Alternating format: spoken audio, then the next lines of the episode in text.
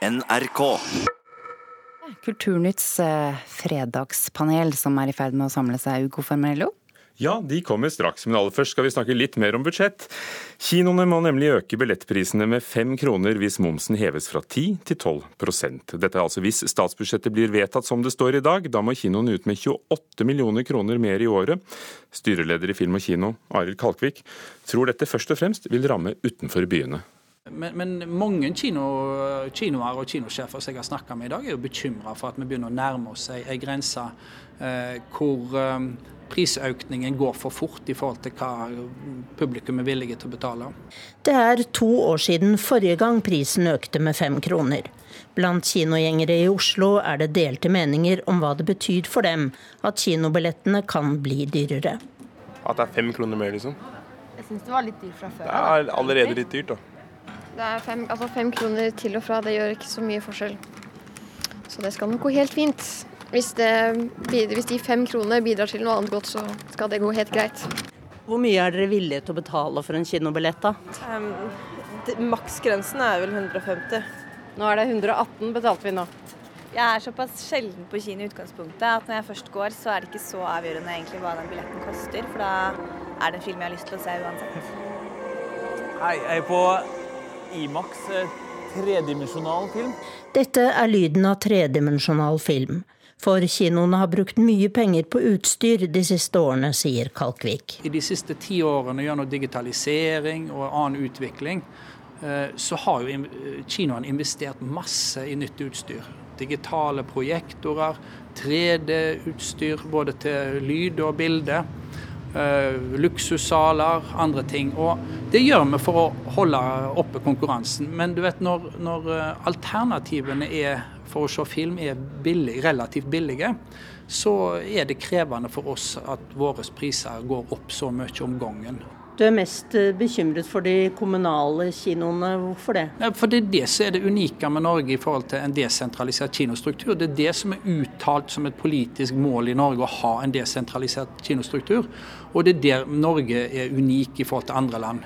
Det er ikke unikt å ha kinoer i storbyene, det har du i hele verden. Og hvis det da blir sånn at enten så må våre gjester betale mer, eller så må kinoen tjene mindre eller subsidiere mer, så er jo dette her egentlig bare å flytte penger fra kommunene og over til staten. Finansminister Siv Jensen, som hadde en travel ettermiddag og kveld i går, sa til NRK at kinobillettene bare øker med under halvparten så mye som Kalkvik hevder.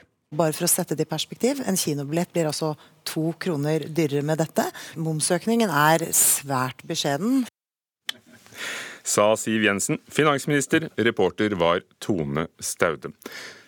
Fredagspanelet er samlet i Kulturnytt her i Nyhetsmorgen, og vi ønsker velkommen aller først til nykommer i denne sammenheng. Tone Sofie Aglen, politisk redaktør i Adresseavisen, god morgen. God morgen. Arvi Juritzen, forlegger. Hei, god morgen, ja. Fredag 13. Og Knut Olav Åmås, direktør for stiftelsen Fritt Ord. God morgen.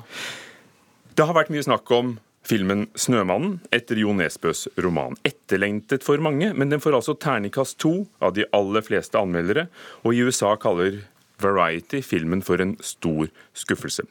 Regissør Thomas Alfredsson åpnet seg og fortalte alt, som det heter, for vår reporter om hva som hadde skjedd bak kulissene. Jeg tyckte at det var veldig bråttom å spille inn den.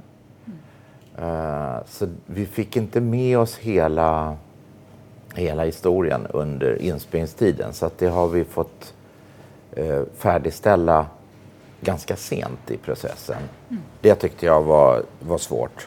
Vanskelig der, altså. Dette er jo en Hollywood-produksjon, og første spørsmål er kunne vi gjort det bedre selv, Tone Sofie Haglen? Uh, Nja. Arve Juritzen? Selvfølgelig. Knut Olav Åmås? Nei. Hvorfor ikke? Vi står da oss selv nærmest. Ja, det er mulig en del sånn uh, tegning av uh, miljøer og landskap hadde blitt bedre med, med norsk produsent, men uh, filmer i sjangeren grøsser, thriller er jo ikke det norsk film er aller best på. Det er en krevende sjanger. Jeg liker den godt. Jeg har ikke sett denne filmen, men Per Haddal, som jeg ofte stoler på, syns den er bra. At den har sin egen takt, langsom og, og seig. Så tror den fortjener å ses. Aglen, er det langsom og seig, er det en god ting? Jeg syns for så vidt det. Eh, men jeg blir jo litt sånn overraska når jeg hører at eh, det framstår nesten som hastverksarbeid i selve filminga. Når vi har brukt så mye ressurser på en film at man liksom ikke klarer å gjøre det ordentlig. Samtidig så Det har jo vært en fornøyelse å lese alle disse anmeldelsene. Man har jo overgått hverandre i både ironi og det å være morsom. Så for vi vanlige dødelige da, som ikke får se filmen før i kveld, så må jeg si jeg gleder meg veldig til å se den.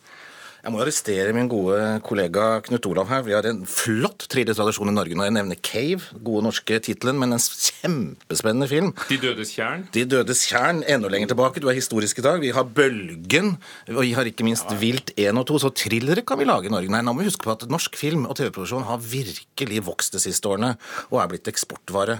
Så det er klart vi kunne gjort denne filmen bedre i Norge selv. Men jeg har lyst til å ta et steg tilbake. Jeg synes det mest spennende med det som har gått galt her, er jo Jo Nesbø har jo verdens, eller i hvert fall Skandinavias, mest elleville agent.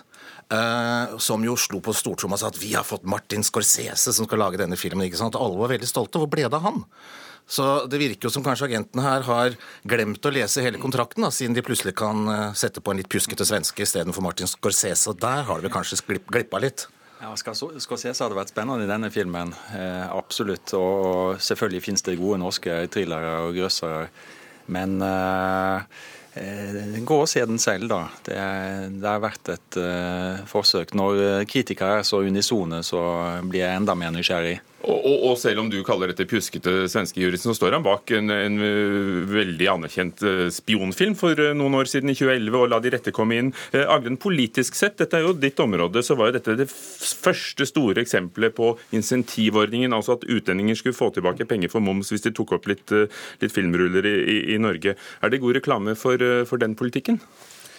Jeg tror kanskje den får et litt sånn underlig lys nå. og I går så kom det enda mer penger til intensivordninga, så det kan jo hende vi får 'Snømann 2'. Men eh, jeg har jo litt sånn inntrykk av at dette handler kanskje mer om norgesreklamen, at det handler om filmkvalitet. Og jeg tror ikke nødvendigvis alle de her dårlige anmeldelsene er dårlig reklame for å få folk til å se filmen, i hvert fall. På meg så virker det mye mer lokkende enn om det bare er slappe firere. Men jeg må bare få arrestere litt på den der slappe svensken.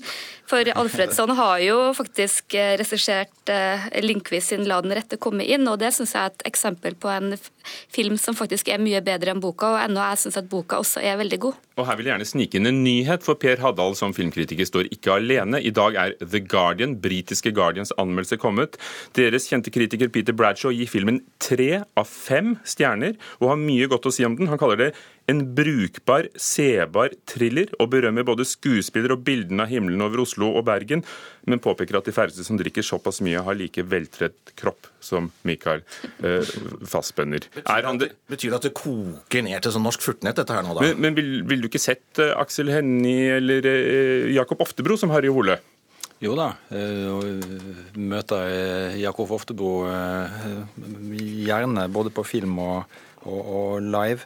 Eh, han har jo en fin rolle i eh, Tom of Finland, eh, som er virkelig en severdig film i det siste. Så man kan jo se den i stedet for, da. Hmm. Så hadde faren vært bedre i denne rollen? Nei. Uh, kunne du se for deg en norsk Harry Hola, Aglen? Ja, jeg kan se for meg mange. Bjørn Sundquist, kanskje litt uh, vel aldrende oppbrukt. Trond Espensheim. Uh, og han, jeg tror veldig mange av oss har et veldig sånn, sterkt forhold til Harry Hole og ser veldig for oss hvordan han er. Så det er nok en del av bildet her at uh, Og jeg syns jo heller ikke at Nesbøs bøker er de som sånn umiddelbart virker lettest å filmatisere. Da. Det er jo litt av en oppgave. Og så skjønner vi at i Hollywood kommer du ingen vei uten den der kroppen til, til fastspender. Men det skal handle altså om budsjettet. intensivordningen, som du kalte den, insentivordningen. den er den har vært intenst diskutert. Kutt i pressestøtten på 27,5 millioner kroner, og høyere moromoms, som det blitt kalt, eller moms på kultur. Eh, det er de mest markante forslagene i forslaget til neste års kulturkapittel på statsbudsjettet. Statsråd Linda Hofstad Helleland var i Dagsnytt 18 i går og forsvarte dette med at momsen på bl.a. kino skal gå opp. Den største utfordringa det, det er ikke økt pris, for jeg tror at folk ønsker å gå og oppleve eh, gode filmer på kino, og det ser vi at eh, folk gjør. Utfordringa har vi fra Netflix sant? og andre eh, tilbydere som gir oss gode filmopplevelser hjemme.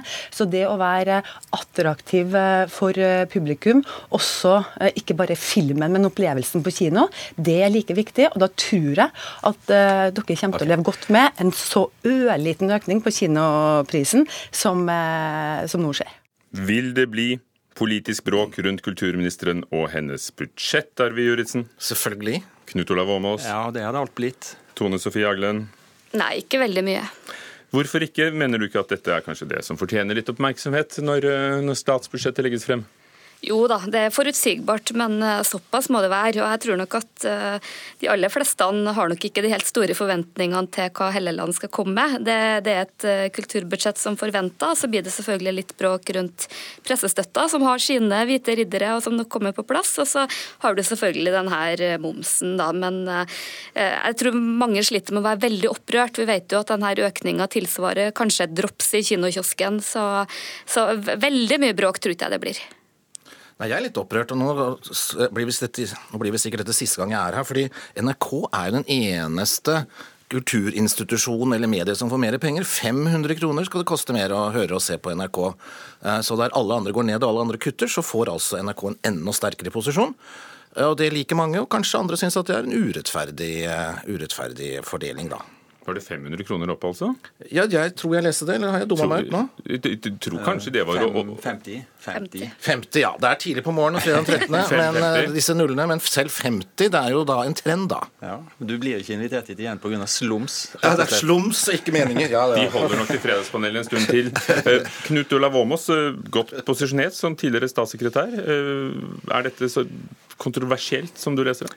Ja, altså det, Forslagene til kutt i pressestøtten vil Venstre og KrF uh, kaste seg over. Det har de allerede gjort. Uh, jeg leder jo et NOU-utvalg som leverte en, uh, en, utredning i vår. Og, og, om mediemangfold, altså? Ja, om mediemangfold. Og vi mener at det nå i en tidsbegrensa periode trengs et ekstra krafttak for, for norsk journalistikk. Og slik sett så er ikke kutt i pressestøtten veien å gå. Det er små midler, men noen millioner som betyr mye for enkeltaviser. Samtidig så setter hun av 7 millioner kroner hvis jeg ikke tar feil, til et, et forsøksprosjekt. Ja, kutter 25,7 millioner og, og, og, kommer med 7 millioner til innovasjonsordning for lokalaviser. Det er bra. Det er litt lite, men det er en det er en start, iallfall. Men det trengs mer radikale endringer i, i, den statlige pressestøtten. En offensiv satsing i noen år framover, og, og, en omprioritering innenfor eksisterende støtte. Og dette går litt for sakte. Det kommer en stortingsmelding til våren, men det kommer litt for lite nå i dette budsjettet. Aglen, som, som redaktør i en avis så sitter vi vel alle litt i, i glasshus, men hva, hva, hva synes Adresseavisen? Nei, Vi liker jo selvfølgelig ikke det. Det er jo vel ingen medier som gjør det. Og så er det jo sant at det er jo et veldig diskusjon rundt NRK sin rolle, og mange som er opptatt av det. Så i det bildet så virker det veldig underlig det kulturministeren gjør. Samtidig tror jeg de fleste føler seg ganske trygge på at det er en av de sakene som KrF og Venstre skal vinne. Samtidig så er det jo litt sånn interessant hvordan litt, litt den ideologien til Helleland kommer fram i det budsjettet. Det er jo en styrking av Kreativt Norge, gaveforsterkningsordninga og denne tanken om at man skal leve mer av kunsten. Og Det er jo ting som kanskje ikke er så veldig kontroversielt, men det har vel ikke akkurat blitt møtt med veldig stor entusiasme i kulturlivet. Men de av ordene, syns det på tallene? Ja, litt. Det er jo ikke noen store tall, det er jo veldig sånn forutsigbart. Men det er jo der det er noen små økninger. Så, men hvordan det her vil virke inn, om det vil ha noe særlig effekt. Og det er jo litt det samme som den vridninga av pressestøtta mot mer innovasjon. Det er i hvert fall sånne fine ord. Om det faktisk virker, det er jo mer usikkert, da. Vi må huske at Norge er i en privilegert situasjon fortsatt da, med historisk store eh, kulturbudsjetter. Så, men jeg kunne tenke meg mer direkte til produksjon av kunst og satsing på kvalitet. Og Jurisen, du hadde vel kanskje ventet på noe om det skulle være moms eller ikke på e-bøker eller noe sånt, du som forelegger? Ja, akkurat nå står jeg mest og tenker på at jeg har fått 450 kroner mer å rutte med i året, i og med at jeg slumsa litt grann, da, med den lisensen. Med ja, så ja. det er jeg egentlig veldig glad for. Du har allerede stått og brukt dem i hodet på bøker, kanskje? Masse, ja, på bøker. Du, jeg skulle ønske vi snart kunne, når det gjelder bokfeltet, ta en diskusjon hvor vi legger alle pengene på bordet og ser hvordan vi fordeler de. Jeg tror veldig mye av pengene nå forsvinner til småtteri som ikke gjør noe ut av det. Og når vi går inn i en ny eh, tid nå hvor det blir vanskeligere og vanskeligere for forfatterne å utgi bøker, så vi trenger å se på støtteordningene på nye, eh, med nye øyne, ikke bare lappe. Og Her blir det jo en politisk debatt, og, og, og som du nevnte, Aglen, eh, Kristelig Folkeparti og Venstre vil vel også si sitt. Vi, vi følger med. Det skal handle om strikking. Garnprodusent trekker strikkeoppskriften til Norges offisielle OL-genser til alpinlandslaget. Noen av runene som forekommer i dette mønsteret, brukes også som symboler av nazister, både, både de gamle og nye. Dette skrev VG om i går på, på forsiden. Gjør de rett i å trekke strikkeoppskriften, Aglen? Nei. Nei. Ja. Er runer så symboltunge blitt? Det er nok det. Altså, Jeg synes eh, solkorset er et utrolig fint uh, grafisk symbol, men uh, en viss bruk av det under andre verdenskrig av NS har gjort det litt vanskelig. Og en ting er... Men det er jo ikke noe solkors her? Nei, nei. Men altså denne tyrrunen som nå blir brukt av, av, av naziorganisasjoner Én ting er at garnprodusenten trekker oppskrifter, men jeg syns det i praksis er mer bekymringsfullt at eh, alpinlandslaget bruker, mm, skal fortsette å bruke genserne, så vidt jeg skjønner. og Det gir, gir en litt uh, merkelig smak når man ser uh, disse mm, NS-plakatlignende bildene av alpinlandslaget. Uh, det er litt av den samme estetikken. De burde kanskje være litt mer forsiktige. Der de står og strutter, de kaller seg Attacking Vikings, dette landslaget, Juritzen. Nei, Jeg er superuenig. Altså, Runer er vårt eh, første skriftspråk, og det er klart at vi ikke skal overgi det til eh, noen ytterliggående fraksjoner vekk på den ene eller andre siden. Jeg syns dette var glitrende bruk av runene. Uh, hvis jeg nå ikke slumser, da, så er det Dale Garn og deres gode designere som har lagd dette mønsteret. Jeg syns det er en flott genser. De har tatt noen andre farger. Og selvfølgelig er det, det, Dette var jo en god anledning til å ta tilbake disse runene fra de da som nå prøver å bruke historien vår. Så tvert imot, dette var superfint, og jeg håper at Dale Garn og de andre tenker seg om og fortsetter å bruke de, slik at vi kan ta tilbake runene der de hører hjemme, nemlig som vår felles kulturarv. Det er ikke noe som skal høre verken til ytterst høyre eller venstre. Aglen. Jeg syns at dette var en hysterisk overreaksjon, og jeg syns det føyer seg inn i rekka av ting vi gjør av frykt for at noen kan reagere, eller jeg syns vi er altfor hårsåre. Og så er jeg veldig enig i det at uh, det å la nazister og andre få eierskap til type symboler som runene Runene hadde vi jo lenge, lenge, lenge før nazistene var påtenkt. Men så er jeg jo litt enig når jeg så det her bildet av det her alpinlandslaget med kryssa armer og veldig sånn mørke gensere, så så det nå i hvert fall litt sånn småautoritært ut, da, men uh, jeg blir ikke opprørt av det. Nei, Jeg blir heller ikke opprørt. Jeg syns bare det er litt uh, uklokt. Det finnes masse runer. Hvorfor velge den pila som nå er blitt et nazisymbol? Det, det, er litt kinkig. Fordi vi skal ta den tilbake igjen. Her ja. er pilen på vei ut for oss i Fredagspanelet. Takk skal dere ha. Arve Juritzen, Tone Sofie Aglen og Knut Olav Åmås.